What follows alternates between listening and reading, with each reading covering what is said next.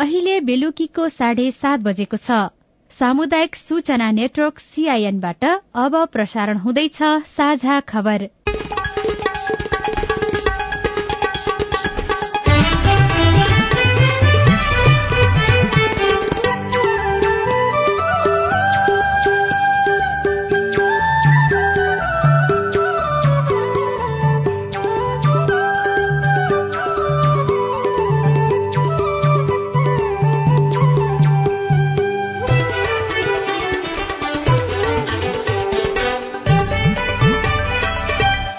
सीआईएनको साझा खबरबाट अविनाश आचार्यको नमस्कार। साझा खबर देशभरिका सामुदायिक radio CIN Khabar dot com सीआईएनको फेसबुक पेज र मोबाइल एप सीआईएनबाट पनि सुन्न सकिन्छ।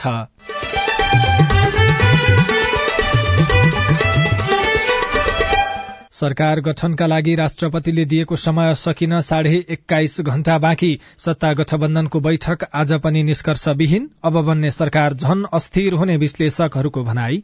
मतदाताले उनीहरूलाई प्रतिपक्षमा रहनको लागि म्यान्डेट दिएको छ। तर उनीहरू चाहिँ सबै नै सत्ता पक्ष हुन चाहन्छन्। यो अन्तर्विरोधले गर्दाखेरि यो अस्थिरता अलिकति बढेर जाने सम्भावना चाहिँ छ। दूरसञ्चार कम्पनीले बुझाउने रोयल्टी बाँडफाँडको तयारी अन्तिम चरणमा मोबाइलको गैर कानूनी आयात रोक्ने योजना पुष पन्ध्रबाट पूर्ण कार्यान्वयन हुने निर्वाचित सांसद आगामी योजना बनाउन व्यस्त। हिंसामा परेका महिलाहरूको लागि चाहिँ उखानको लागि चाहिँ के कसरी जान सकिने र उनको व्यवस्थापनको लागि चाहिँ मेरो विशेष पहल रहनेछ।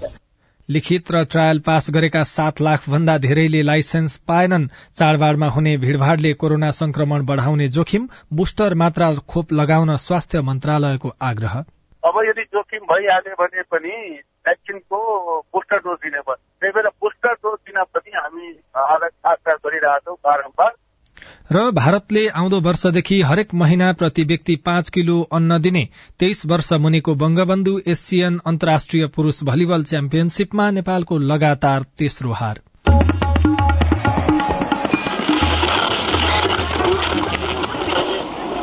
रेडियो।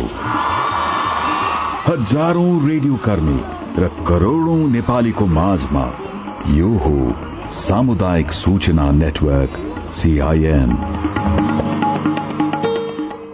दलहरूबीच प्रधानमन्त्री सहित शक्तिशाली पद बाँडफाँडमा सजिलै कुरा मिल्ने संकेत देखिएको छैन। निर्वाचनको बेलामा पार्टी भन्दा माथि उठेर देशको सेवा गर्ने प्रतिबद्धता गर्नेहरू नै व्यक्ति र पार्टीको स्वार्थका लागि अडान कसाकस गरिरहेका छन्। पैंतिस दिन अघिको चुनावपछि शक्ति बाँडफाँडमा दलहरू अल्झिरहेका बेला केही नेताहरूले भने मध्यावधि निर्वाचन हुने आकलन काटिरहेका छन्।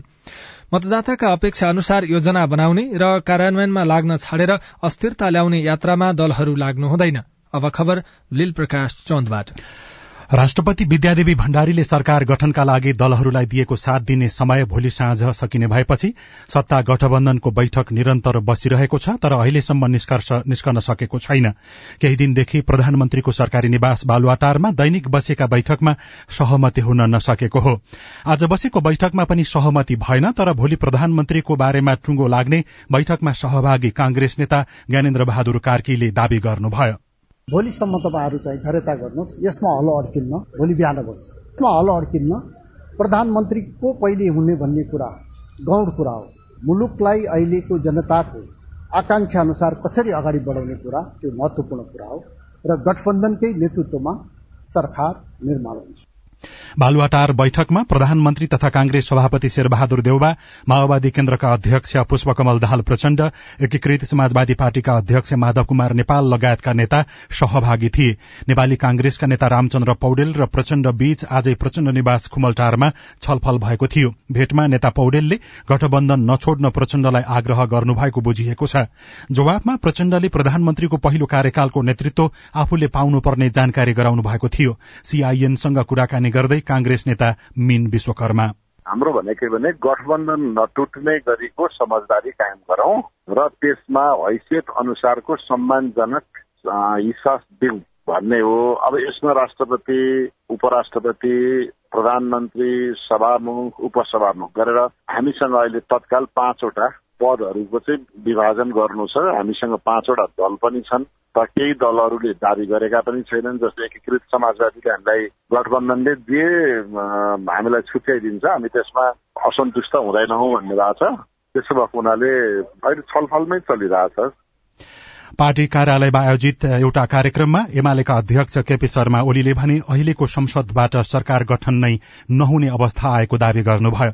प्रधानमन्त्री बन्न माओवादी केन्द्रका अध्यक्ष प्रचण्डले इच्छा गरेको तर सम्भावना सकिएको भन्दै ओलीले समयमा कदम नचाले देश मध्यावधि निर्वाचनमा जाने टिप्पणी गर्नुभयो। एक ढंगले भन्ने हो भने हामी हिजोदेखि अहिलेसम्म निर्वाचनसम्म हाम्रा विरूद्धको हमलाका विरूद्ध प्रतिकार गर्ने प्रतिवाद गर्ने र प्रतिक्रियावादी शक्तिहरूसँग मुकाबला गरेर आफ्नो अस्तित्व जोगाउने र सबल ढङ्गले अगाडि प्रस्तुत गर्ने त्यस चरणमा थियौँ। अथवा एउटा ट्रान्जिसनल फेजमा एउटा संक्रमणकालीन अवस्थामा हामी थियौँ। अब अर्को चरण सुरु भएको छ। हाम्रो पार्टी ठिग्रिएको छ। हाम्रो पार्टीका विरुद्धका सारा षड्यन्त्रलाई हामीले पराजित गरेका छौँ। त्यस निर्वाचनसम्म आयो। विश्लेषकहरूले भने सरकारका लागि भइरहेको हानथापको असर अस्थिरता निम्तने बताइरहेका छन्। सीआईएनसँगको कुराकानीमा विश्लेषक मुमाराम खनाल। मध्यवधिमा गए पनि परिणाम यस्तै नै आउने हो। यसभन्दा भिन्न परिणाम आउने सम्भावना छैन। किनकि कुनै पनि राजनीतिक दलले एकदमै ठुलो आफ्नो पक्षमा बहुमत लिने खालको त्यस्तो कार्यक्रम अथवा चाहिँ त्यो खालको विश्वास हुने परिस्थिति त छैन। त्यसमाले मलाई लाग्छ मध्यावधितिर जानुभन्दा पनि समीकरणहरू धेरै बदलिने सम्भावना चाहिँ छ। अब त्यो चाहिँ राजनीतिक दलहरूका मुख्य नेताहरूको अतिरिक्त चाहिँ शक्तिशाली बन्ने जुन चाहना छ आफ्नो शक्तिभन्दा पनि अरू विभिन्न गुट उपगुटहरू मिलाएर अनि त्यो अतिरिक्त शक्ति आर्जन गर्ने र अनि प्रधानमन्त्री बन्ने भन्ने जुन चाहिँ अराजनैतिक चाहना छ भनौँ न एक प्रकारले जुन म्यान्डेट चाहिँ नागरिकले उनीहरूलाई दिएका छैनन् मतदाताले उनीहरूलाई प्रतिपक्षमा रहनको लागि म्यान्डेट दिएको छ तर उनीहरू चाहिँ सबै नै सत्ता पक्ष हुन चाहन्छन्। यो अन्तर्विरोधले गर्दाखेरि यो अस्थिरता अलिकति बढेर जाने सम्भावना चाहिँ छ। सरकारको नेतृत्वका लागि कांग्रेस र माओवादी केन्द्र आफ्नै अडानमा छन्। माओवादी केन्द्रले सत्ता गठबन्धन छोडेमा सरकार गठनका लागि अग्रसरता लिने एमालेको रणनीति छ। मोबाइल सेवा प्रदायक कम्पनीले बुझाएको रोयल्टी बापतको रकम केही समयभित्रै वितरण हुने भएको छ। सीआईएनसँग कुराकानी गर्दै राष्ट्रिय प्राकृतिक स्रोत तथा वित्त आयोगका अध्यक्ष बालानन्द पौडेलले रोयल्टी वितरणको लागि गृह कार्य अन्तिम चरणमा पुगेको बताउनुभयो। कतिपय क्षेत्र यस्ता छन् जुन हामीले उपयोग गरेर रोयल्टी जम्मा गरिरहेको र बाँडफाँड नगरिरहेका मोबाइल टेलिफोन प्रयोग गर्दाखेरि जुन फ्रिक्वेन्सी प्रयोग हुन्छ त्यो फ्रिक्वेन्सी प्रयोग गरे बापत त्यो मोबाइल सेवा प्रदायकहरूले चाहिँ त्यसको रोयल्टी तिर्नुपर्छ। दूरसञ्चार प्राधिकरणलाई उनीहरूले तोकिएको हिसाबले चाहिँ रोयल्टी तिर्नुपर्ने हुन्छ। त्यो रोयल्टी अहिलेसम्म बाँडफाँड भएको छैन। फ्रिक्वेन्सी प्राकृतिक स्रोत हो भन्ने विषयमा चाहिँ हाम्रै सर्वोच्च अदालतले पनि परोक्ष रूपमा बोलेको डकुमेन्टहरू हेर्दाखेरि र बाहिरको लिटरेचरहरू हेर्दाखेरि यसलाई प्राकृतिक स्रोतमै परिभाषित गरिएको र बाहिरको कोर्टहरूले पनि प्राकृतिक स्रोत भनेर परिभाषित गरेको थुप्रो लिटरेचरहरू भेटिन्छ र तदनुकूल आयोगले पनि यो विषयमा अर्थ मन्त्रालय र संचार मन्त्रालय र दूरसञ्चार प्राधिकरणसँग बसेर निकै चरणमा छलफल गरिसकेपछि यो चाहिँ बाँडिनुपर्छ भन्ने हिसाबले चाहिँ आयोगले निर्णय गरिसकेको छ। मोबाइल सेवा प्रदायक कम्पनीले बुझाएको रोयल्टी वितरणको सम्बन्धमा कुनै सुझाव भएमा उपलब्ध गराउन पनि आयोगले आग्रह गरेको छ। कोरोना भाइरसको नयाँ भेरिएन्ट बीएफ सात नेपालमा पनि फैलिने जोखिम रहेकाले सतर्क रहन सरकारले आग्रह गरेको छ। अहिलेसम्म नेपालमा यो भेरिएन्ट पुष्टि नभए पनि छिमेकी मुलुकहरूमा संक्रमण देखिएकाले जोखिम बढ़ेको स्वास्थ्य तथा जनसंख्या मन्त्रालयले जानकारी दिएको छ। खुला सिमाना र मानिसहरूको आवजावतका कारण नेपालमा पनि यो भेरिएन्ट फैलिन सक्ने जोखिम रहेकाले रोकथाम र नियन्त्रणका उपाय अप्नाउनु पर्ने मन्त्रालयका प्रवक्ता सञ्जय ठाकुरले बताउनुभयो। अब यो प्रकोप अरू ठाउँमा फैलिएपछि नेपालमा अक्षर रहन सक्दैन। नेपालमा पनि इन्डियामा आउने बित्तिकै अरू ठाउँबाट पनि मान्छे आएपछि चाँडै नै सर्ने भएको हुनाले जोखिम छ। त्यही भएर कोभिडको जुनसुकै भेरिएन्ट आए पनि कोभिड कसरी सर्छ र कसरी बच्ने हामी सबैलाई थाहा छ। त्यो कुरालाई अपनाउनु पर्छ जीवनशैलीमा। एउटा कुरा। अर्को कुरा कोभिडको विरुद्धको जुन भ्याक्सिन छ राम्रै छ हाम्रो नेपालमा दुईटा डोज दिएको त्रियासी पर्सेन्टभन्दा बढी छ तर बुस्टर डोजको मात्रा अलिक कम छ तेस्रो डोज दिने जनसङ्ख्या धेरै कम छ। अब यदि जोखिम भइहाल्यो भने पनि भ्याक्सिनको बुस्टर डोज दिने भयो त्यही भएर बुस्टर डोज दिन पनि हामी आग्रह गरिरहेछौँ बारम्बार। इसाई धर्मावलम्बीहरूको चाड क्रिसमस र इस्वी सम्बतको नयाँ वर्ष दुई हजार तेइस नजिकिएको अवस्थामा भीड़भाड़ नगर्न र जनस्वास्थ्यको मापदण्ड पालनामा ध्यान दिन पनि स्वास्थ्य मन्त्रालयले आग्रह गरेको छ। यही पुस पन्ध्र गतेदेखि भन्सार घोषणा नगरिएका मोबाइल फोन सेट नचल्ने भएका छन्। नेपाल दूरसञ्चार प्राधिकरणले आज एउटा सूचना जारी गर्दै mobile device management system MDMS पूर्ण कार्यान्वयनमा ल्याउने र उक्त प्रणालीमा नजोडिएका मोबाइल सेट नचल्ने बताएको हो। विदेशबाट आउने नेपालीहरूले निजी प्रयोगका लागि आफ्नो साथमा ल्याएका मोबाइल सेट भन्सार कार्यालयबाट प्रज्ञापन पत्र लिई प्रणालीमा अद्यावधि गर्न पनि प्राधिकरणले अनुरोध गरेको छ। सीआईएनसँग कुराकानी गर्दै प्राधिकरणका सहायक प्रवक्ता अच्युतानन्द मिश्रले भन्नुभयो। मेन के हो भनेपछि चाहिँ जुन अहिले व्यक्तिगत रूपमा ल्याएको फोन छ त्यो व्यक्तिगत रूपमा ल्याएको फोनलाई हामीले बिलहरू हेरेर चाहिँ रेजिस्ट्रेसन गरिरहेका थियौँ। अनि त्यसपछि चाहिँ अस्ति चाहिँ अब भन्सार विभाग नेपाल दूरसञ्चार प्राधिकरण सञ्चार मन्त्रालय सबै बसेर चाहिँ हामीले चाहिँ छलफल गऱ्यौँ। त्यसपछि भन्सार विभाग जति पनि मोबाइल आउँछ त्यसलाई चाहिँ प्रज्ञापन पत्र भन्सार विभागले दिन्छन्। त्यसको आधारमा दर्ता गर्ने भनेर चाहिँ निर्णय भयो हो त्यही अनुसार हामीले सूचना निकालेको। यसरी दर्ता भइसकेपछि नागरिकलाई के फाइदा हुन्छ? एउटा प्रोसेस भयो सिम्पल भन्दाखेरि के गर्ने कहाँ जाने भन्ने कुराहरूमा रजिस्ट्रेसन प्रोसेसको लागि पहिला भन्सार विभागमा व्यक्तिगत रूपमा जुन ल्याएका मोबाइलहरू छन् या सबै प्रज्ञापन पत्र त्यहाँबाट जुन दिन्छ त्यो लिएर आउनुहोस्। अनि त्यसबाट चाहिँ रेजिस्ट्रेसन हुन्छ भन्ने कुरा हामी सूचित गरे हो। यो सामान्य प्रक्रिया रहेको प्राधिकरणले बताए पनि केही निजी व्यवसायीहरूको सुझावमा सरकारले यस्तो निर्णय गरेको भन्दै सामाजिक सञ्जालमा आलोचना पनि भइरहेको छ। लिखित र ट्रायल परीक्षा उत्तीर्ण गरेका सात लाख भन्दा धेरै सेवाग्राहीले सवारी चालक अनुमति पत्र अर्थात लाइसेन्स पाएका छैनन्। सरकारले छ महिनाभित्रै लाइसेन्स वितरण गर्ने बताए पनि वर्ष दिन बित्दा समेत लाइसेन्स नपाएको नागरिकको गुनासो छ। यद्यपि यातायात व्यवस्था विभागले भने मागभन्दा छपाई कम भएकाले ढिलो भएको स्वीकार गरेको छ। विभागका प्रवक्ता Ishwari Dutt Paneru. Licence of regular प्रिन्टिङको कामहरू जुन यतावत रूपमा भइ नै रहेको छ होइन? अब थाप्न बाँकी त डिमान्ड र हाम्रो सप्लाईको अलिकति ब्यालेन्स नमिलेको अवस्था हो किनभने अहिले हाम्रो लगभग चार हजारदेखि पैँतालिस सयको हाराहारीमा दैनिक रूपमा छापिन्छ भने डिमान्ड चाहिँ तपाईँको छ हजारदेखि सात हजारको बिचमा डिमान्ड छ। भने पछाडि जहिले पनि अब हामी भनौँ हरेक दिन चाहिँ ब्यागमै जानुपर्ने स्थिति छ बाँकी नै रहन्छ। त्यो हुँदाखेरि अब पाँच लाखभन्दा बढी नै होला कम्ता छैन भनौँ अब हामी डेभलपमै छौँ होइन। तर काम चाहिँ भइरहेको छ। अब यो समस्या समाधान गर्न चाहिँ यसपालि चालु आर्थिक वर्ष बजेट विनियोजन भएको छ र स्मार्ट कार्ड खरिदको लागि र मास प्रिन्टर खरिदको लागि टेन्डर आह्वान भएर अहिले प्रक्रियामा रहेको छ।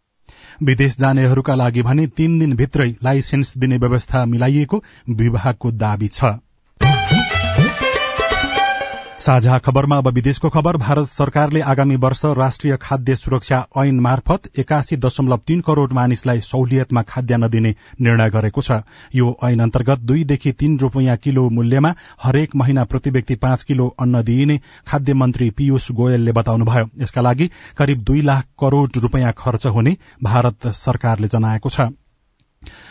अब खेल खबर नेपाल टी ट्वेन्टी लीगको आफ्नो पहिलो खेलमा लुम्बिनी अल स्टारले फारो इस्टर्न युनाइटेडलाई छठी रनले पराजित गर्दै प्रतियोगितामा विजयी शुरूआत गरेको छ। टस जितेर पहिले ब्याटिङ गरेको लुम्बिनीले निर्धारित बीस ओभरमा सात विकेट गुमाएर एक सय बाहन्न रन बनायो। जवाफमा फारो इस्टर्न सोह्र दशमलव दुई ओभरमा पचासी रनमा समेटियो। त्यसअघि टियु मैदान किर्तिपुरमा पहिलो ब्याटिङ गरेको लुम्बिनीले निर्धारित बीस ओभरमा सात विकेट गुमाएर एक सय बाहन्न रन बनाएको थियो। र बंगबन्धु एसियन तेइस वर्ष मुनिको सेन्ट्रल एसियन जोन अन्तर्राष्ट्रिय पुरूष भलिबल च्याम्पियनशीपमा नेपालले लगातार तेस्रो हार बेहोरेको छ। ढाकामा आज भएको खेलमा किर्गिस्तानसँग पराजित हुँदै नेपालले लगातार तेस्रो हार बेहोरेको हो।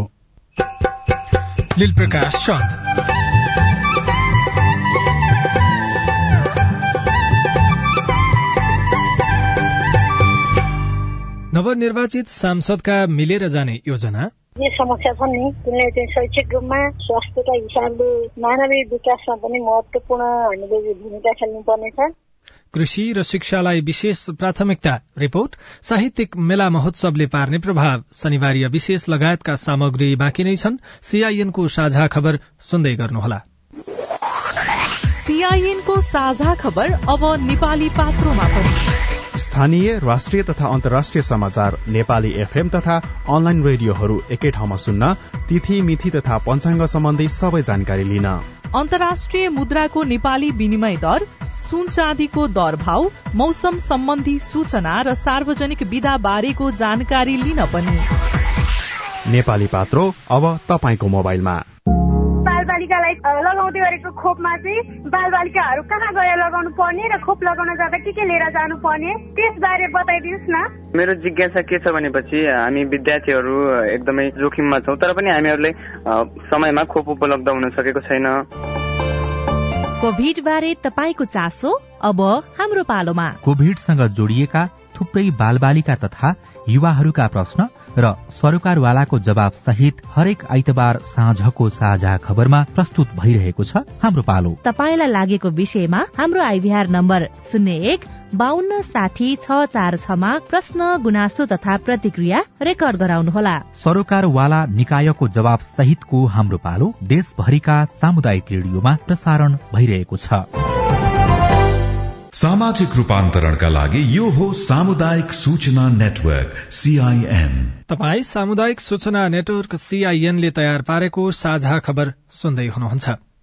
नेपाल पत्रकार महासंघले इन्टरनेटको माध्यमबाट प्रेस स्वतन्त्रता हननका घटना बढ़ेको निष्कर्ष निकालेको छ। सुर्खेतको वीरेन्द्रनगरमा दुई दिनसम्म भएको महासंघको साधारण सभाले इन्टरनेटको माध्यमबाट भएको प्रेस स्वतन्त्रता हननको घटना नयाँ चुनौतीका रूपमा देखिएको भन्दै यस्ता घटनामा संलग्नलाई कानूनी कार्यवाहीको माग गरेको छ। पर्यटकीय गन्तव्य स्थलको रूपमा चिनिएको धनकुटाको भेडेटारमा दशौं भेडेटार फूड फेस्टिभल आयोजना हुने भएको छ। आयोजक होटल एसोसिएशन भेडेटारले आज पत्रकार सम्मेलन गर्दै दशौं भेडेटार फूड फेस्टिभल आयोजना गर्ने जानकारी गराएको रेडियो लाली गुराँस धनकुटाले खबर पठाएको छ। बाँकेबाट संघ र प्रदेशमा गरी बीस जना सांसद निर्वाचित भएका छन्। जिल्लाको विकासका लागि शिक्षा स्वास्थ्य कृषि पर्यटन पूर्वाधार लगायत क्षेत्रको विकासमा लाग्ने उनीहरूको योजना छ। नागरिक भने आश्वासन मात्र दिने तर पूरा नगर्ने विगतको अभ्यास दोहोरिनेमा चिन्तित छन्। जनता समाजवादी पार्टीका तर्फबाट पहिलो पटक प्रदेश सभामा प्रतिनिधित्व गर्न लाग्नुभएका अम्बिका काफ्लेले कृषिको विकास र गुणस्तरीय शिक्षाको व्यवस्थाका साथै महिला हिंसा र विभेद कम गर्ने विषयलाई प्राथमिकतामा राखेर काम गर्ने योजना बनाउनु भएको छ। हिंसामा परेका महिलाहरूको लागि चाहिँ उत्थानको लागि चाहिँ के कसरी जान सकिने र उनको व्यवस्थापनको लागि चाहिँ मेरो विशेष पहल रहनेछ। क्षेत्र नम्बर एकको एकबाट दोस्रो पटक निर्वाचित माओवादी केन्द्रका कृष्ण केसी नमुनाले पहिलो कार्यकालका अधुरा काम पूरा गर्नुका साथै सबैसँग सहकार्य गरी नयाँ योजना पनि शुरू गर्ने बताउनुहुन्छ। र बाँकी जिल्लामा चाहिँ समग्र चाहिँ विकासको सन्दर्भमा कहाँको आवश्यकता कुन ठाउँको आवश्यकता के हो भन्ने हिसाबले त्यसलाई बुझेर र अन्य क्षेत्रमा पनि बाँकी जिल्लालाई पनि अलिकति समन्वय गरेर समग्र विकासको लागि चाहिँ अगाडि बढाउने र सबैसँग सहकार्य गर्ने मेरो त्यही नै हो मेरो भूमिका। बाँकीबाट प्रतिनिधित्व गर्ने संघ र प्रदेशका बीस जना सांसद मध्ये बाह्र जना महिला छन्। यो सांसदहरूका लागि जिल्लाको विकासमा पालिका तथा प्रदेश र संघीय सरकारसँग समन्वय र सहकार्य गर्ने अवसर पनि हो। एमालेका तर्फबाट संघीय सांसदमा प्रतिनिधित्व गर्ने दीपा शर्माले विभिन्न समुदायका समस्या हल गर्दै मानवीय विकासमा काम गर्ने योजना बनाउनु भएको छ। मुस्लिम समुदायभित्रका कति विभेदहरू छन् मधेसी समुदायका भित्रका समस्याहरू छन् थारू समुदायभित्रका समस्याहरू छन् सबै जात जातिहरूको जे समस्या छन् नि तिनलाई चाहिँ शैक्षिक रूपमा स्वास्थ्यका हिसाबले मानवीय विकासमा पनि महत्वपूर्ण हामीले भूमिका खेल्नु पर्नेछ राष्ट्रिय स्वतन्त्र पार्टीका लक्ष्मी तिवारी पहिलो पटक संघीय सांसद बन्नु भएको छ। निर्वाचनका बेला प्रतिस्पर्धा भए पनि जिल्लाको विकासका लागि अब सबै दल र जनप्रतिनिधिसँग हातेमालो गर्ने तिवारी बताउनुहुन्छ। सबैजना भेटेर हामी सबैको अवधारणा लिएर उहाँसँग बसेर हामी कसरी गर्न सकिन्छ सबैले आफ्नो किसिमले भन्नुहुन्छ त्यसलाई कसरी सबैको सवाललाई एकै एकै ठाउँ जोडेर हामी सबैजना मिलेर जानुपर्छ भन्ने मेरो हुन्छ। चुनाव लड्ने बेला प्रतिस्पर्धी हुन्थ्यौँ तर अब आएर हामी सबैको साझा एजेन्डा हुनुपर्छ कि व्यवस्थित सहर बनाउनलाई हामी सबैले एक हातको हातेमालो गर्नुपर्छ भन्ने जस्तो लाग्छ मलाई। सांसदले नागरिकका समस्या बुझेनन् र निर्वाचनपछि फर्किएनन् भन्ने गुनासाका बीच बाँकेका सांसदहरू अब त्यो हुन नदिने बताउँछन्। सबै आग्रह पूर्वाग्रह थाँती राख्दै जिल्लाको विकासका लागि सहकार्य गर्न सके सांसदहरूको यो कार्यकाल सुखद र सम्झन योग्य बन्नेछ। शम्भु थारू सीआईएन कृष्ण एफएम नेपालगंज साझा खबरमा अब हेलो सीआईएन सजना तिमल सिन्हाबाट। नमस्ते म लु गाउँपालिका उर्लेनीबाट विनोदजी हाम्रो यस गाउँपालिकामा तीन वर्ष खानेपानी योजना तीन वर्षभित्रमा सकिन पर्ने भनेको तर अझैसम्म सकेको छैन। त्यो कहिलेसम्म सकिन्छ होला? जवाफ दिँदै हुनुहुन्छ काभ्रेको भुम्लु गाउँपालिकाका प्रमुख प्रेम बहादुर भुजेल।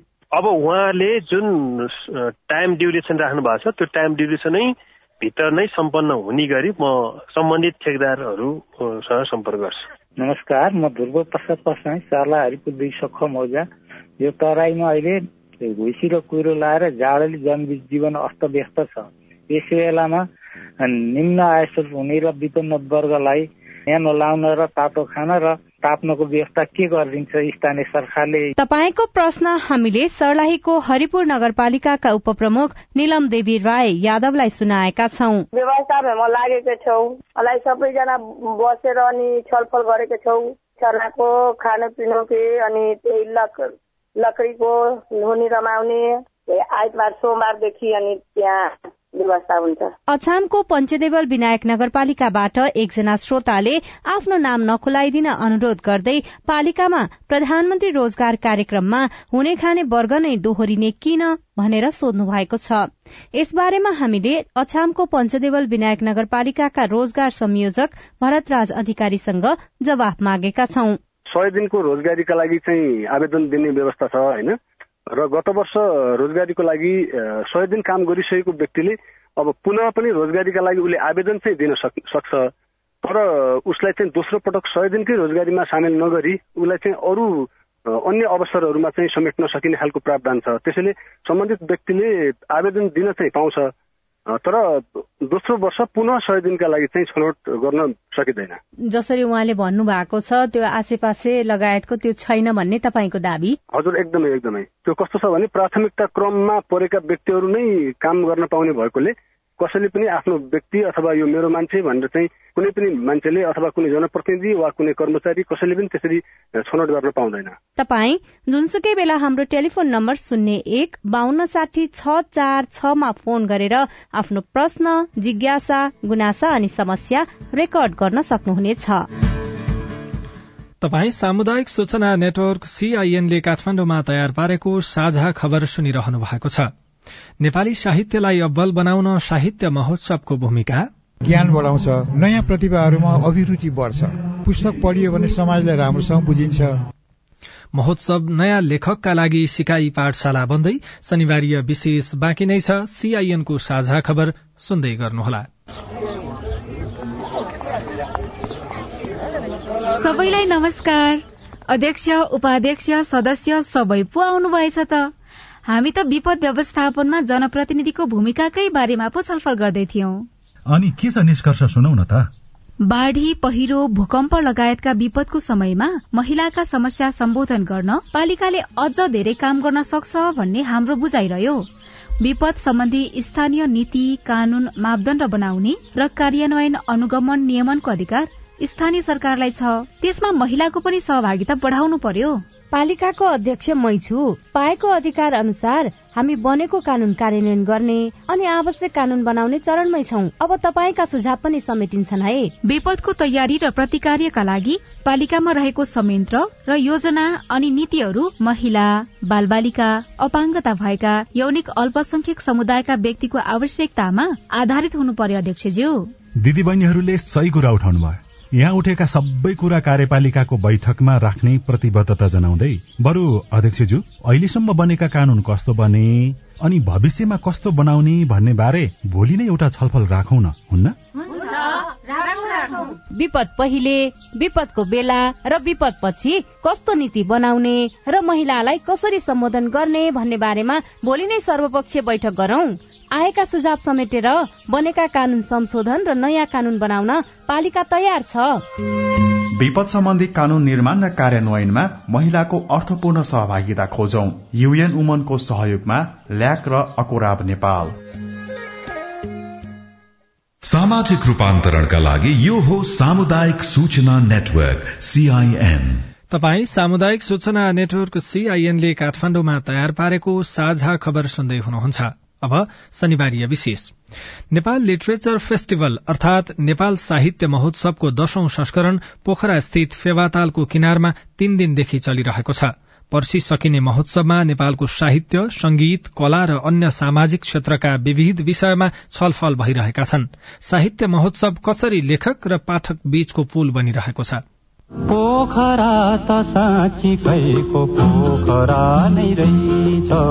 माछा पुछ्ने फेवातालमा पौडी खेल्दो फेवातालको आँगनमा साहित्यिक महोत्सव हुन थालेको छ वर्ष भयो। आँखै सामु हिउँ चुली शान्त हराभरा आँखै सामु हिउँ चुली शान्त हराभरा फेवा तालको आँगन यो लाग्छ अप्सरा तिमी जस्तै रहेछ सानो तिम्रो पोखरा। पोखराको प्राकृतिक सुन्दरताले जसरी मोहित बनाउँछ उसै गरी साहित्यका अनेक बहसले साहित्य प्रेमीको दिल भरिन्छ। मेरो नाम चाहिँ भावना शर्मा। म चाहिँ अहिले फेस्टिभल हेर्नु भनेर आइरा साहित्य प्रेमी जति पनि अब हुनुहुन्छ इन्ट्रेस्टेड हुनुहुन्छ होइन? उहाँहरूलाई चाहिँ यस्तो प्रोग्रामहरू फेस्टिभलहरू भइराख्यो हुन्थ्यो भन्ने लाग्छ हरेक विधामा खुलेर छलफल हुने महोत्सवमा देशभरका लेखक र पाठकहरूको जमघट हुन्छ। समाजशास्त्री गणेश गुरूङ पनि त्यही मेसोमा पोखरा आइपुग्नु भएको छ। एकदम ठुलो प्रेरणा मिल्छ। यस्तो फेस्टिभलले साहित्यकारहरूलाई पढ्दै आएका मानिसहरूलाई भेट्न र उनीहरूको कुरा सुन्नलाई अवसर प्राप्त हुन्छ। यस कारणले नयाँहरूलाई चाहिँ नयाँ जोस प्राप्त हुन्छ। पुरानोहरूलाई नयाँहरूसँग भेटेर चाहिँ नयाँ ऊर्जा प्राप्त हुन्छ र समाजमा घटेको घटनाहरूको चित्रण हो यो। साहित्यका पहेली केलाउने मात्रै होइन गीत संगीत र सर्जकको कथा खोज्ने प्रयत्न पनि गरिन्छ। महोत्सवको दोस्रो दिन गायक तथा संगीतकार स्वर्गीय गोपाल योञ्जनका गीत र सांगीतिक जीवनबारे विमर्श गरियो। योञ्जन शब्दमा भाव र जीवन भर्ने कुशल कलाकार हुनुहुन्थ्यो। मेरो गीत मेरै प्रतिबिम्ब होइन जो फुटी जाने होइन जो टुटी जाने होइन।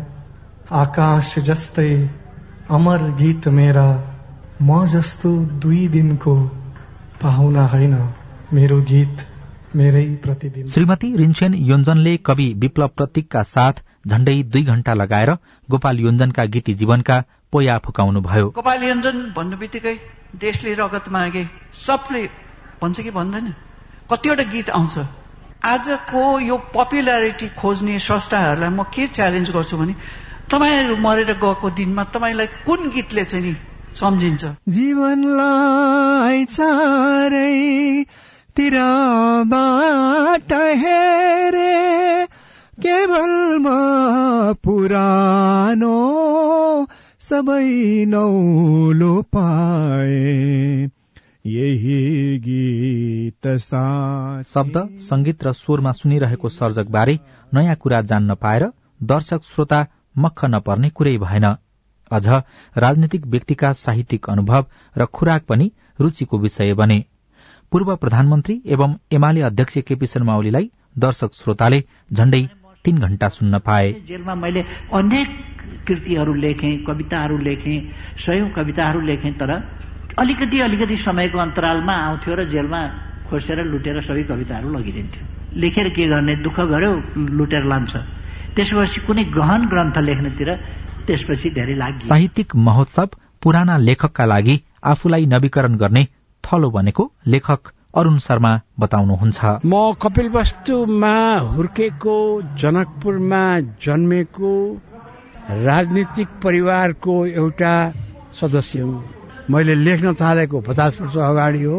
त म यहाँ आएको म माथि जान भनेर होइन कि कार्यक्रमको आनन्द लिन भनेर आएको म।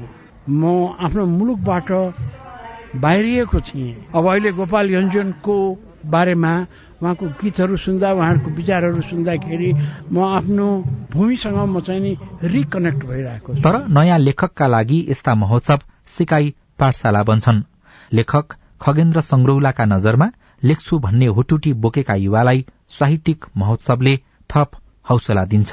आफूलाई मनपर्ने लेखकलाई नजिकबाट अथवा टाढाबाट देख्न पाउँछ दुईटा कुरा गर्न पाउँछ अथवा एउटा सेल्फी लिन पनि पाउँछ एक। दोस्रो यहाँ देशभरिका लेखकहरू आउँछन्। एउटै ठाउँमा विभिन्न स्तरका विभिन्न तहका प्रतिभाहरू हुन्छ दोस्रो। तेस्रो कुरो विभिन्न गम्भीर विषयमा चर्चा हुन्छ। सङ्गीत बारेमा कविता बारेमा इतिहास बारेमा समाज बारेमा चर्चा हुन्छ। त्यो चर्चाले चाहिँ सतै रूपमा भए पनि ज्ञानको विस्तार गर्छ। सूचना बढाउँछ ज्ञान बढाउँछ नयाँ प्रतिभाहरूमा अभिरुचि बढ्छ। पुस्तक पढियो भने समाजलाई राम्रोसँग बुझिन्छ। समाज राम्रोसँग बुझियो भने राम्रो लेख्न सकिन्छ। त्यो चेतनाको विकास पनि हुन्छ। महोत्सव कतिपयका लागि आफूलाई मन परेका लेखक साहित्यकार भेट्ने अवसर पनि बनेको छ।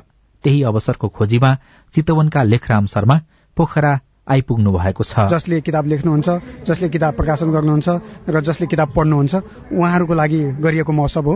र यहाँ आउँदाखेरि लेखकले पाठकले प्रकाशकले भेट्ने भनेको आफूलाई चाहिने व्यक्तिहरू मात्रै यहाँ भेट्नुहुन्छ।